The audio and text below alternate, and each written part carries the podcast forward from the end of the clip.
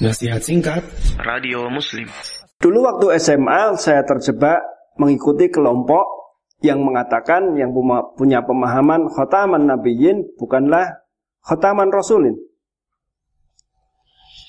Kemudian setelah saya tahu bahwa itu penyimpangan, apakah saya telah menjadi kafir dan bagaimana sikap saya atau apa yang harus saya lakukan saat ini?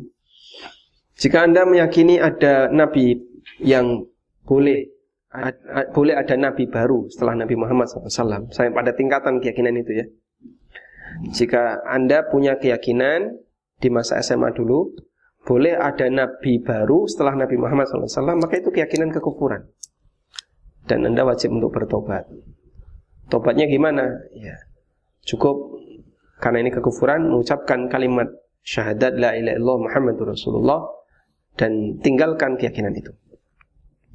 Tidak perlu di depan umum karena masyarakat Anda sudah mengenal Anda sebagai seorang muslim. Tapi kalau tidak sampai pada keyakinan itu sehingga baru pada derajat syubhat. Ya. Khatamun nabiyyin itu dipahami sebagai khatam itu kan cincin. Cincin itu perhiasan.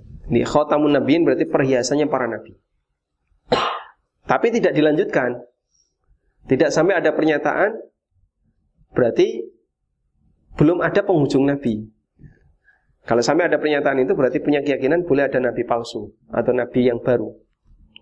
Anda cuma punya keyakinan khotamun nabi itu perhiasan para nabi. Titik sampai di situ.